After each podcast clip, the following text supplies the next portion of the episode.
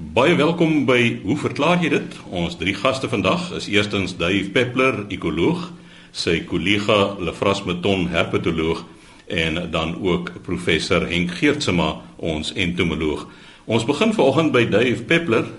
Dave, ja, mense weet nie altyd of dit 'n spottery is nie, maar jy praat vanoggend oor die hoender se piep. Goeiemôre, Chris, môre luisteraars. Ek het lanklaas soveel vreugde aan 'n brief gehad soos die ene en ek moet hom volledig gou lees. Geagte wetenskaplikes, ek het vlede jaar vir my 'n eierbroeimasjien gekoop, 48 eiers groot met 'n groot gesukkelde klompie bevrugte eiers bekom en die eerste broeiskoot gewaag.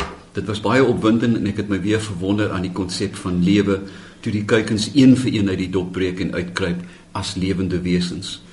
Nou 8 maande later het ek 'n pragtige rooi hoenders, wit hoenders, swart hoenders en bonthoenders hier op die plaaswerf waar hulle skrop en eiers lê.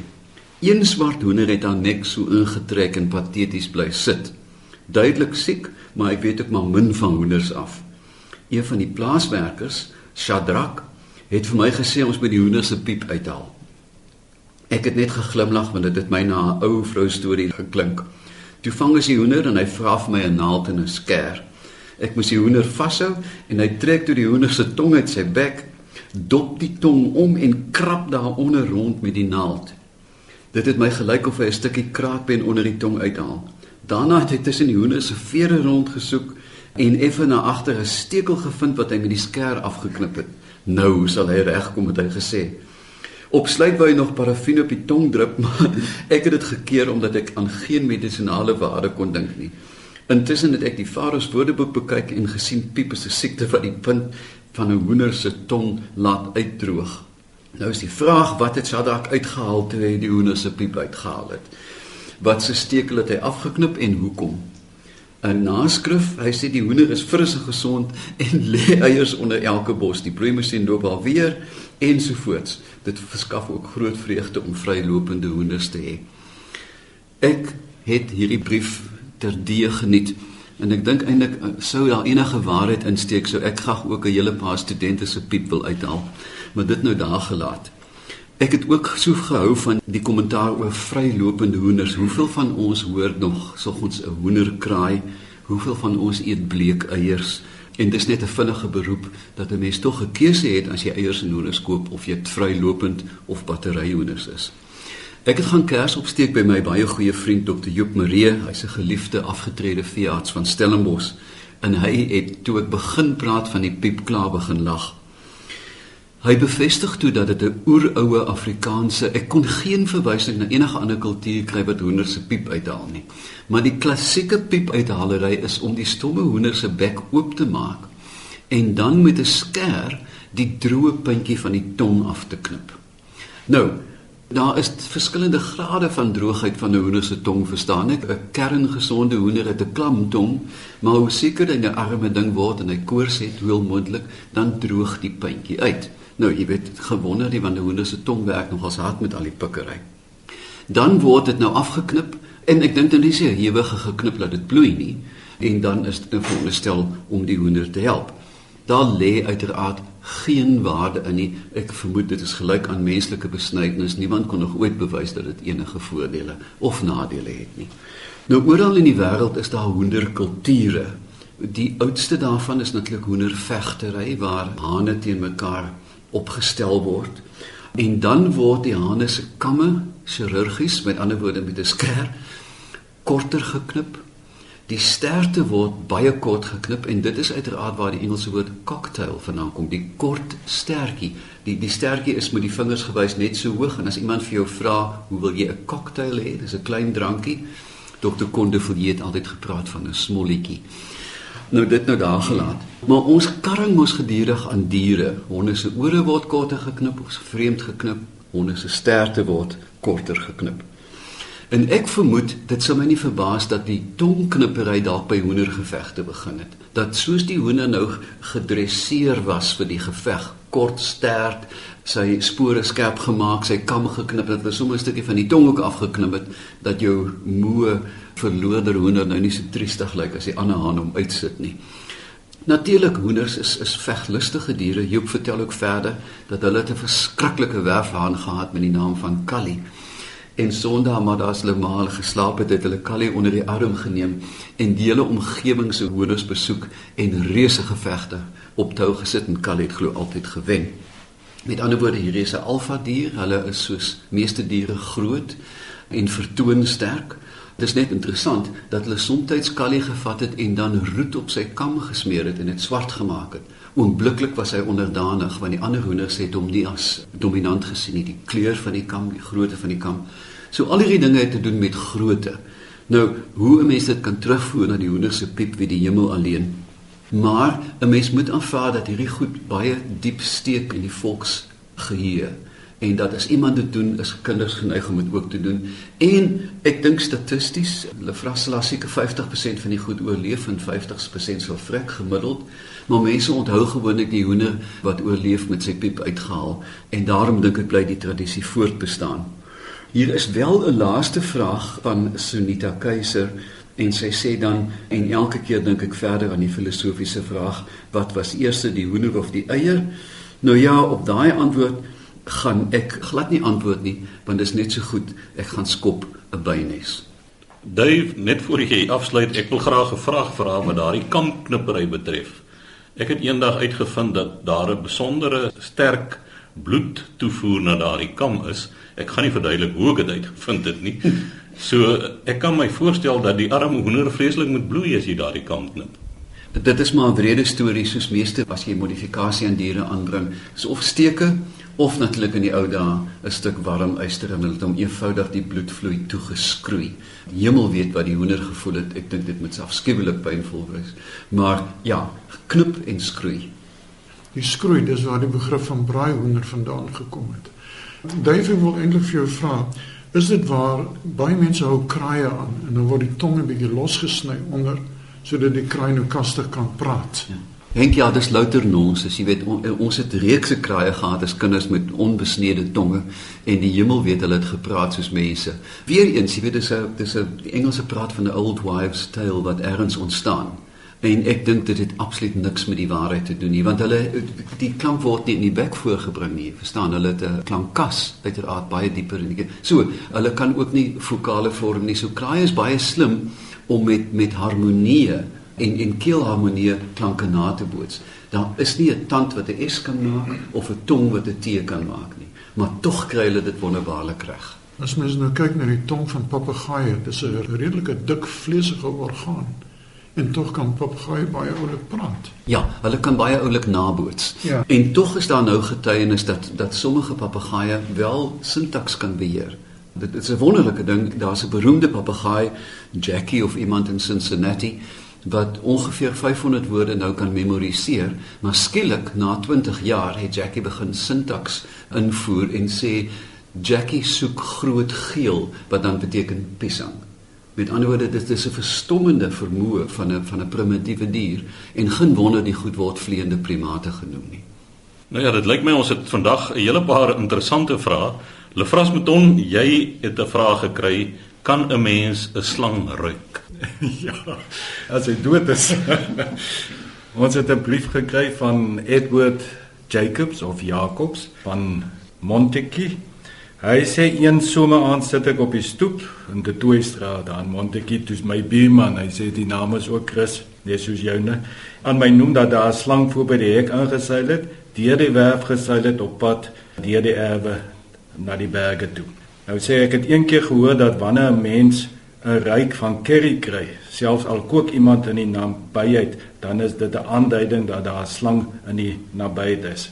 Hy sê daardie aand het hy die reuk van iets soos gebrande eie gekry voordat die buurman hom daarna ingelig het dat daar 'n slang deur sy erf geseil het. Nou wil hy weet, is dit so dat slange 'n reuk afskei? Chemiese kommunikasie by diere is 'n stokou ding en kom by baie diere voor diere skei wat ons noem feromone af en dit het verskillende funksies om gebied af te baken en om mannetjies die wyfies te laat vind ensovoorts ensovoorts. Mens kry ook baie diere wat reuke afskei ter beskerming. Ons weet van stinkmuisond as jy hom vang dan sal hy 'n uh, liderlike reuk afskei wat baie moeilik is om van jou hande af te kry, uit jou klere uit te kry. Baie diere as jy hom vang sal mis afskei wat sleg ruik of hulle sal urineer. Dink aan die skilpaaie, jou rooi penskilpad as jy hom optel dan moet jy wyd staan want volgende oomblik. So daar is baie diere wat op die oomblik wanneer hy gevang word. Nou is die vraag sal 'n dier permanent 'n reuk hê, so sterk reuk dat die mens dit kan ruik. My eerste reaksie is wat is die sin daarin? Wat is die voordeel? Is dit nou om die mens af te skrik, by voorbaat te sê bly weg, ek is hierso? Dit maak nie vir my sin nie want dit gaan terselfdertyd ook predatore lok en 'n mens is ook 'n predator. Wat 'n mens veral die mans gaan weghardop as hulle slang ryk, nee, hulle gaan nader gaan, hulle wil die ding vang en hulle wil hom doodmaak. So ek is so 'n bietjie skepties oor die gedagte. Wat ek toe nou gemaak het, ek het vir Johan Maree, baie bekende herpetoloog en sy spesialiteitsveld is spesifiek slange en hy het al baie boeke geskryf oor slange. Ek het vir hom gekontak en gevra, "Johan, wat dink jy van hierdie storie?" Nou gaan ek hierso lees wat Johan sê en dan kan ons dalk 'n bietjie gesels Henk en, en dui wat julle opinie is. Hy sê dis 'n heel interessante vraag. Die mis van sekere slange, veral die swart mamba het nogal 'n sterk reuk en ruik effe na curry. Ek het al gehoor mense sê dit ruik na aardappels wat kook. Ek het al eendag self in die veld geloop en swart mambas geruik en kort daarna twee gevang. So dit kom uit die mond van die van die kenner. So ek weet nie wat om hierop te antwoord nie. Duif, wat is jou ondervinding? As kind het ek my ma en ons huishulp tot rasernay gedryf met slange in my kamer. Dit was een manier wat ek gevind het dat hulle nie my kamer hoef skoon te maak nie. En ek het in Robertson het ek geelslange, pofadders uh, nou in, jy weet, in hokkies, maar ander dinge soos molslange, eiervreters vrylopend gehad. Nou mens moet oppas dat jy iets toeskryf aan 'n dier in gevangenskap want die die hok raak benoud met mis en so aan. Maar daar is sekere slange, veral 'n molslang wat ek werklik kon ruik. En vreemd genoeg, dit het my laat dink aan speserye, maar in my geval aan peper. Maar dit is bitter na aan curry. En ek kan getuig dat ek omdat ek so reeksintuiglik ingestel is, dat ek ek weet dit klink nou vir totaal pervers, maar gereeld aan my slange geruik het. Kop een kant en stert een kant en dat die vel van sekere slange wel vir my 'n peperagtige reuk, nie oorweldigend nie, maar waarneembaar gehad het. Die funksie slaan my absoluut dronk. Ek stem met jou saam. Mens weet nie of dit bakteriologies van aard is nie, maar slange het baie neutrale velle. As jy dink aan 'n lui dier met al sy swamme en goed, hulle stink na die hoogste hemel. Jy weet baie diere stink omdat hulle uh, bokke by name, beere al die goed stink uh, roofdiere stink jy ruik hulle op 'n afstand 'n slang sou ek dink is gevaarlik om homself te adverteer met 'n reuk maar tog het ek gereeld ek ruik nie vandag nog aan slange nie maar toe ek jonk was kon ek sommige van die slange uitken aan 'n peperagtige reuk Duif jy sê jy kan nou 'n molslang ruik en dit ruik na peper nou molslang is swart né so jy het eintlik swart peper geruik Henk ek is totaal verbluf oor jou insaag, jy's doodreg.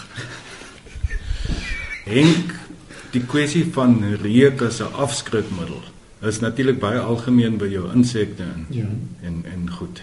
Ek onthou toe ons daar in Lesotho was, wat was dit 'n bombardier kewertjie, dis nou eintlik of so iets, maar dis meer 'n ontploffing gewees. Ja.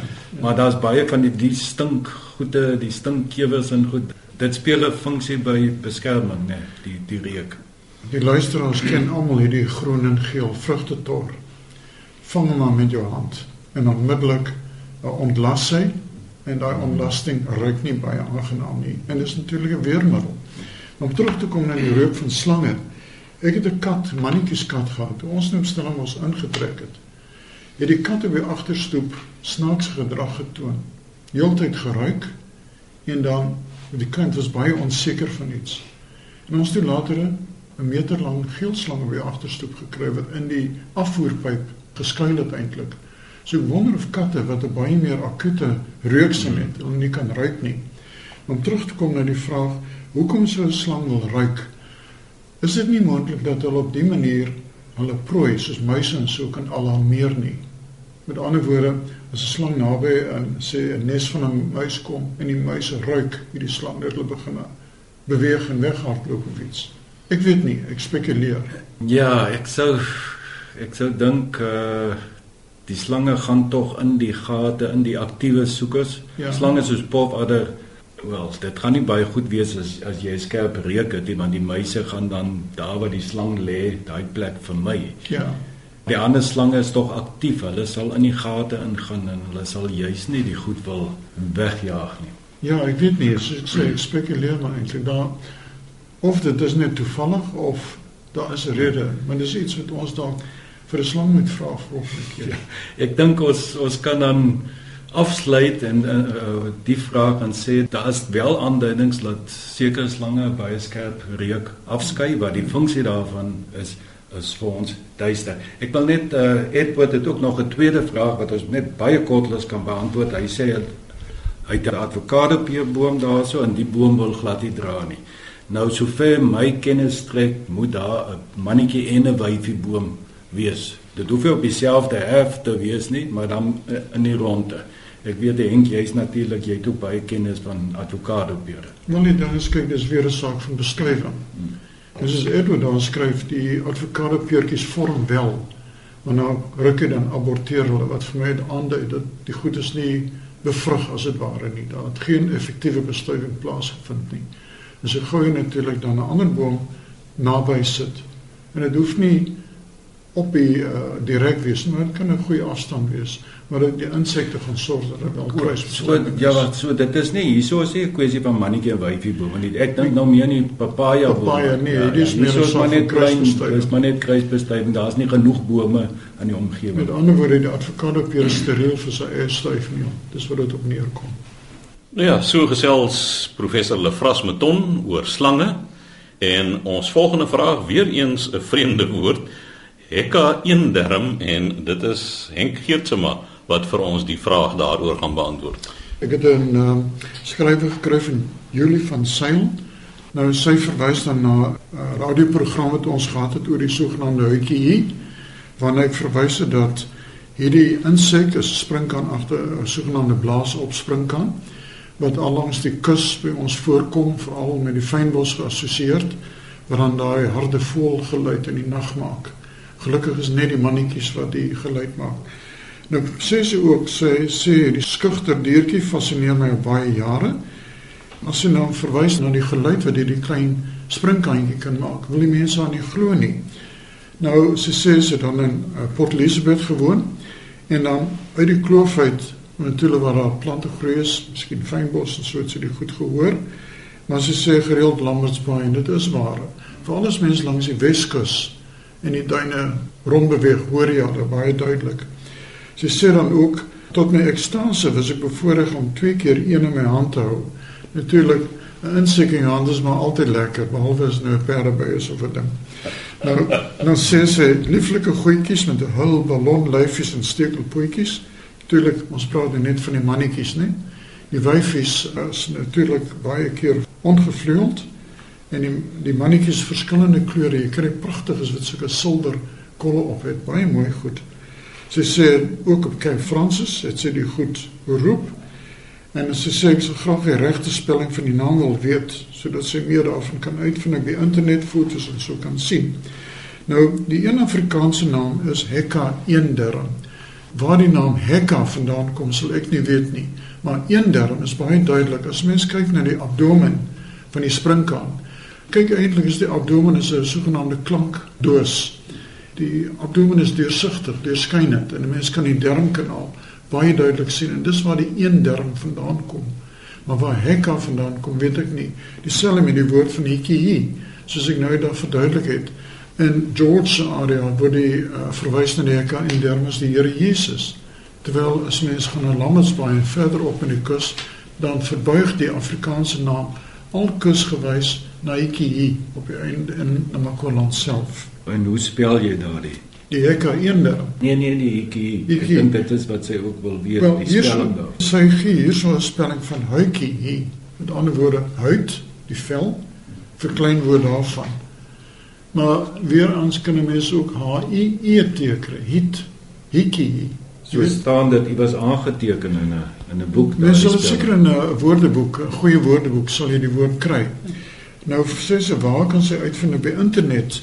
Nou so we net gaan kyk na die familie van hierdie sprinkane. Dis nu Moridae. Ek spel dit vir u. P N E U M O R I D A E. P N E U M O R I D A E. Numor verwys natuurlik na die Grieks vir longe, vir lug, Numoridae en sy sal al die inligting daarvan kry. Ek het onlangs 'n artikel gelees, daar is in Angola, is van hulle ook al aangeteken, selfs in die Kongo en selfs in Arabië kom daar skynbaar een spesies voor. So hulle is dan nie noodwendig beperk tot die fynbos van die Weskaap nie, maar hulle kom eintlik dwars deur Afrika voor, maar baie minder in spesies, getal en getalswyse behalwe in die Weskus waar hulle redelik volop is.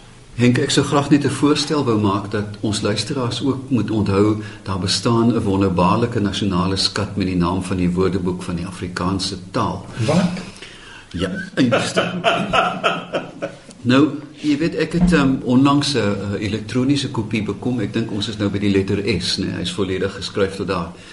En hierdie het nou vir my 'n standaard verwysing geword. Daar is die wonderbaarlikste folklorismes in en ek sal nou 'n punt daarvan maak om op my um, kopie te gaan kyk en terugvoer te gee net oor die naam in 'n volgende program.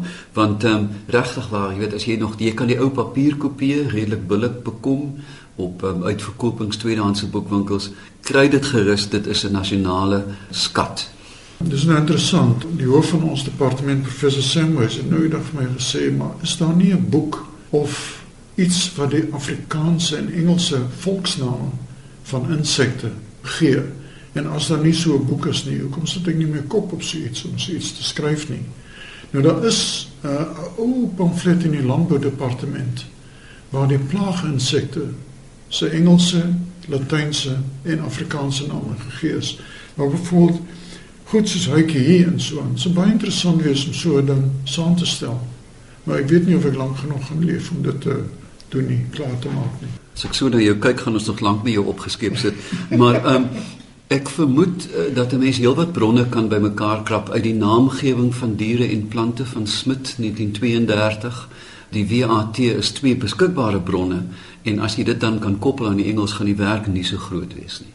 Chris, hier was nog 'n vraag van Edward Jacobs. Hy wil weet watter giftige slange kom daar so in Montetjie se area voor want hy kom nou van die van die stad af en hy is heeltemal bewus van al die slange nie. Nou wat ek wil sê, maak nie saak waar jy in Suid-Afrika is nie, daar gaan maar altyd 'n paar giftige slange wees. Die trant van sy brief is asof dit snaaks is om 'n slang te kry in 'n plek. Die slange is is 'n normale deel van die natuur en hulle is maar oral daar. Ek is sodat mense sien hulle nie altyd raak nie. In daardie omgewing waar hy is Montetjie se wêreld definitief die kobra is daar. Groot deel van suidelike Afrika is kobra maar meer na die weste kant toe daar. In die heel oostelike dele sal die geelslang of kobra afwesig wees. Pofadder oor die hele Suid-Afrika want dit is maar die twee hoofslange dink ek hier in die Weskaap. Boomslang is meer in die oostelike dele van die land maar hier teen die kus kom hy af tot aan die Weskaap en die boomslang sal definitief ook daar wees. Ook die rinkels sal ook daar in 'n Montetjie se omgewing voorkom. Ek dink dit is basies die giftige slange. Daar gaan nou nog heelwat ander giftige slange wees, maar hulle is nie daardie lewensgevaarlike slange nie. Die een wat ek spesifiek al daar gekry het is die kousbandjie. Hy kom daar voor en hy's 'n redelike giftige kerel.